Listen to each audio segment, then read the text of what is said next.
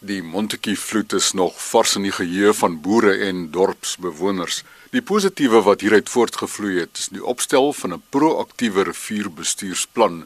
Ons groet daarom vanoggend vanaf Montetjie saam met Abraham Burger van die Dwariga Besproeiingsraad, Charlie Joubert, sekretaris boekhouer van die Kogmanskloof Besproeiingsraad en eers dan die woord Rudolf Roscher, landcare bestuurder van die Kaapse Wynlande distrik. In die Kaapse Wynlande het ons die afgelope paar jare al uh, erge vloede ervaar en ehm um, ten spyte van die droogtes het ons ook 'n situasie gehad waar ons vloede in 2003 en 2008 gehad het en en ook weer onlangs in 2013 wat grootskaalse skade aan landbou aangerig het.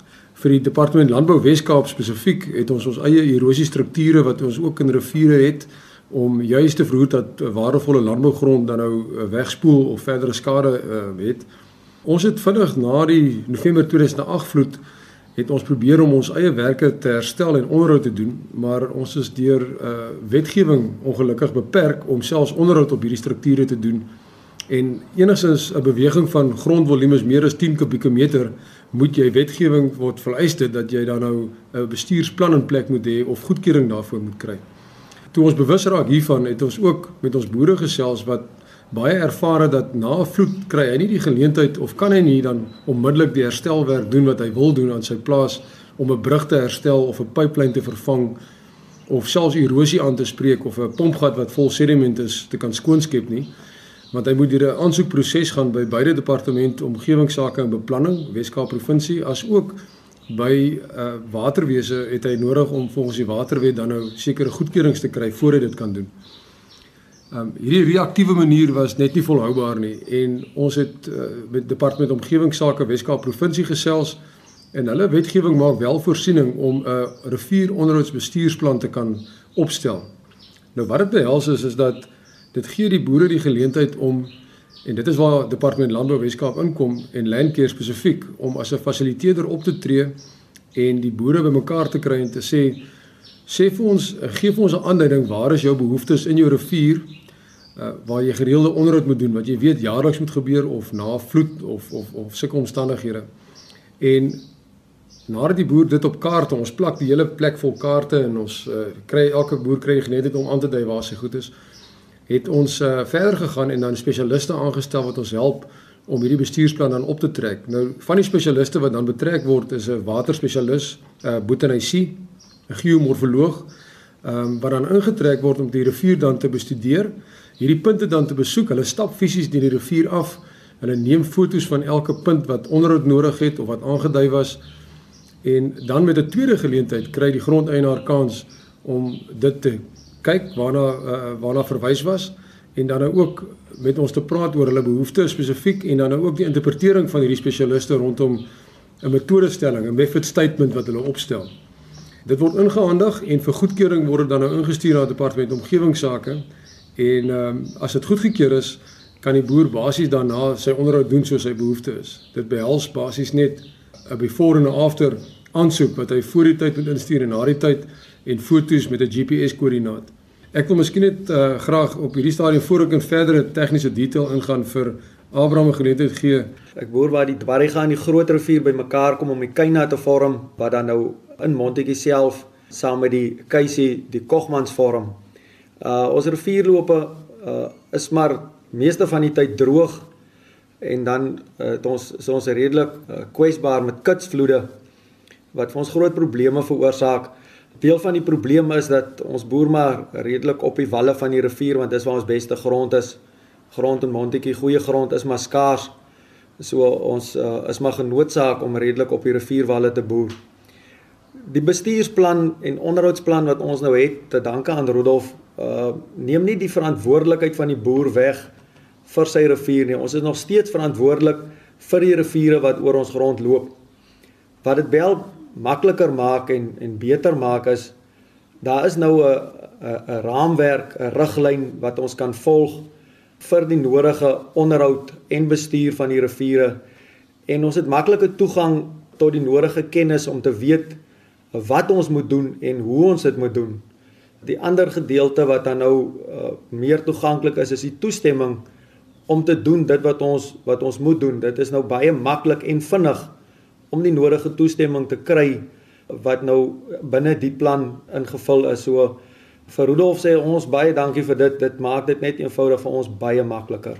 Ek wil ook vir die geleentheid gee miskien vir Charlie wat dan nou die Kogmaskloof besproeiingsraad verteenwoordig om miskien te sê die omvang van julle besproeiingsraad, hoeveel boere is betrokke by julle die hektare water wat julle bestuur en julle infrastruktuur.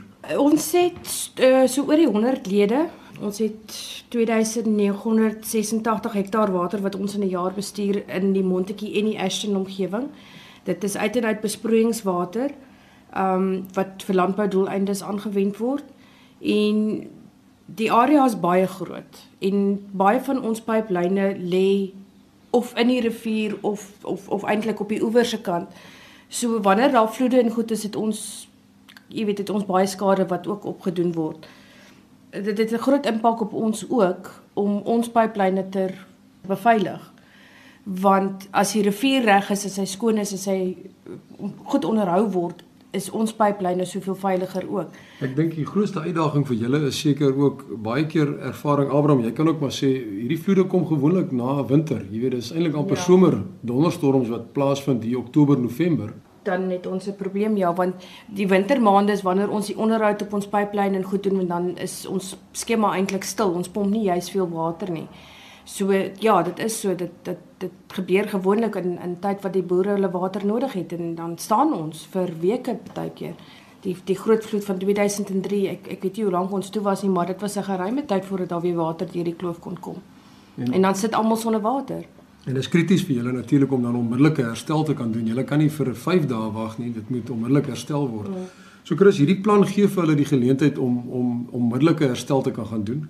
Ek dink die voordele is enorm. Ehm um, eerstens as 'n individuele boer en die voordeel daarvan wil ek eerstens sê om dit op 'n landcare area wide planning metode te doen, 'n groter grootse plan te doen, nie 'n individuele plaasplan nie, is dat die kostes kom drasties af. As Abraham nou byvoorbeeld so 'n plan vir sy eie plaas sou opstel, sou dit hom enigiets tussen 50 en 70 000 rand kon kos om hierdie spesialiste aan te stel. Ons het nou En uh Charlie, jy kan my reg help. Hoeveel boere het nou aktief deelgeneem wat werklike oewereienaar bewoners is?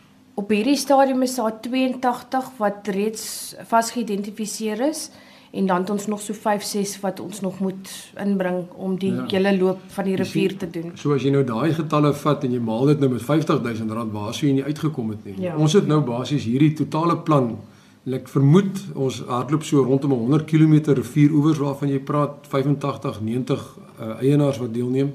Totale kostes was nie 500 000 rand nie. Dit kom neer op tussen 5 en 7000 rand per plaas. So die omvang van die grootsheid bring die kostes drasties af. Uh, Natuurlik ook het dit uh, veroorsaak dat daar kommunikasiekanale nou skielik is daar departemente wat met die boere kommunikeer. Dit is uh, daar is 'n uh, goeie verhoudinge wat ontstaan omdat ons proaktief optree. Maar nie net dit nie, die boere begin ook met mekaar praat. Inteendeel, hierdie uh, hele uh, bewusmakings uh, of hierdie hele plan is eintlik 'n groot bewusmakingsveld tog wat dit vir die boere moontlik maak om bietjie meer kennis op te doen oor die ekologie van 'n rivier. Wat is goed en wat is sleg en wat wil ons nie hê in die riviere nie. 'n Vereiste is dat ehm, 'n um, boer moet ook selfs voor hy nou sy onderhoud wil doen, sy before wat hy instuur, moet hy daar aandui ek het wel met my buurman bo en onder my gepraat sodat hulle ook met mekaar kommunikeer en koördineer wanneer hulle hierdie herstelwerk doen want wat iemand in 'n rivier doen stroom op het 'n versekerde definitiewe effek op die persoon onder hom. Die voordeel wat ook ingekom het, ons boere is verskriklik afhanklik van uh, departement uh, van vervoer en publieke werke. Uh, hulle brûe en paaie infrastruktuur. En sedertdien ons met die proses begin het, het hulle ten volle ingekoop en gee hulle hulle volle ondersteuning waar al hulle brûe en paaie ook nou aangeteken word op hierdie grootse plan sodat hulle ook hulle herstelwerk daaroor kan doen. Nou onmiddellik weer, hulle gaan nie inbeweeg voor hulle nou nie met die boer bo en stroom op en stroom afgepraat het nie. En dit veroorsaak dat daar die kommunikasie ook daar verbeter het. Die volgende natuurlike ding wat daarna gebeur is, tydens hierdie insette vanaf wetenskaplikes en spesialiste af rondom die botaniese samestelling of die ekologie van die rivier, kom daar gewoonlik dan nou die top 3 of top 4 behoeftes uit in die rivier. Byvoorbeeld indringerbeheer die hantering van sediment, erosie bestuur. En wat ons dan doen nadat ons hierdie groter plan het? Dit is eintlik maar 'n visie van hoe ons die rivier oor 20 jaar of 30 jaar wil sien. Dan skryf ons in fase 2 projekte om dan nou in samewerking met die met die grondeienaars en natuurlik 'n finansiële bydrae in, in vennootskap met die grondeienaars kom Weskaap regering en ons kom bied hierdie hulp aan aan die boere om dan indringers te beheer op sy plase of as 'n groep gemeenskapsboere. Ek wil een van die goed wat uitgekom het tydens hierdie ondersoek is dat die inheemse vletjiesriet uh, Pragmatis is 'n groot probleem vir die boere want hy ehm um, hy neem basies die rivier oor en hy veroorsaak blokkades in die rivier. Ons het nou geïdentifiseer in samewerking met Cape Nature dat ons met hierdie bestuursplan 'n metodestelling kan gee om te sê maar daar's 'n manier dat ons die vletjies hierdie kan afsny en daar selfs gekyk na opsies want dit het baie hoë proteïenwaarde om dan nou dit deur 'n maler te sit en te stamp en dan nou kos te maak vanaf hierdie vletjies riet terwyl ons nou die bestuursplan uitoefen kan ons dit ook aanwend vir ander alternatiewe eerder as om elke jaar jaar op jaar die hele rivier te brand. Die hele oogmerk is maar om die hantering van die vloede makliker te maak om 'n plan te hê van uh, na 'n vloed hoe om vinniger op die been te kom, vinniger weer aan die gang te kom. Aan die vloede self, aan die hoeveelheid water kan ons niks doen nie. Dit gaan maar om dit reg te hanteer. Dit is eintlik 'n groot oogmerk van hierdie plan is die hantering van die vloede. As die plan reg hanteer word, sal die skade tydens die vloed verminder word want die rivier gaan skoon genoeg wees hopelik dat daar nie obstruksies gevorm word nie en dat die skade wat ons in die verlede al gehad het nie weer sal gebeur nie. So ja, daar gaan skade wees, dit is wat gebeur, maar hopelik is dit dan baie minimaal en dit sal ook bydra tot die vinniger weer op die been kom soos Abraham gesê het. Die riviere waarna verwys word het uh, sy takke wat inkom teen omtrent 5-6 keer steiler hellings as wat jou hoofloop van die Kingna byvoorbeeld nou loop. As jy gaan stap in hierdie sytakke wat uit die berge uitkom en jy gaan kyk wat die toestande daar is, dan sien jy sien die uitheemse uh, bome, hoofsaaklik maar blackwattle, bloekom, het dit so oorgeneem dat daar feitelik geen fynbos of enige ander grasse of voorkom wat die grond vashou nie. En dan begin infrastruktuur en landbou weggevat word. Vir verdere inligting oor die proaktiewe rivierbestuursplan, gesels met Rudolf Rocher landkeer bestuurder in die Kaapse Wynlande distrik. Sy e-posadres: rudolf@r.i.d.o.l.p.h.r by elsenburg.com. Jolly Uber, sekretaris boekhouer van die Kogmanskloof Besproeiingsraad en Abraham Burger, boer van die distrik en ook lid van die Dwarriga Besproeiingsraad vanaf Montetjie groete.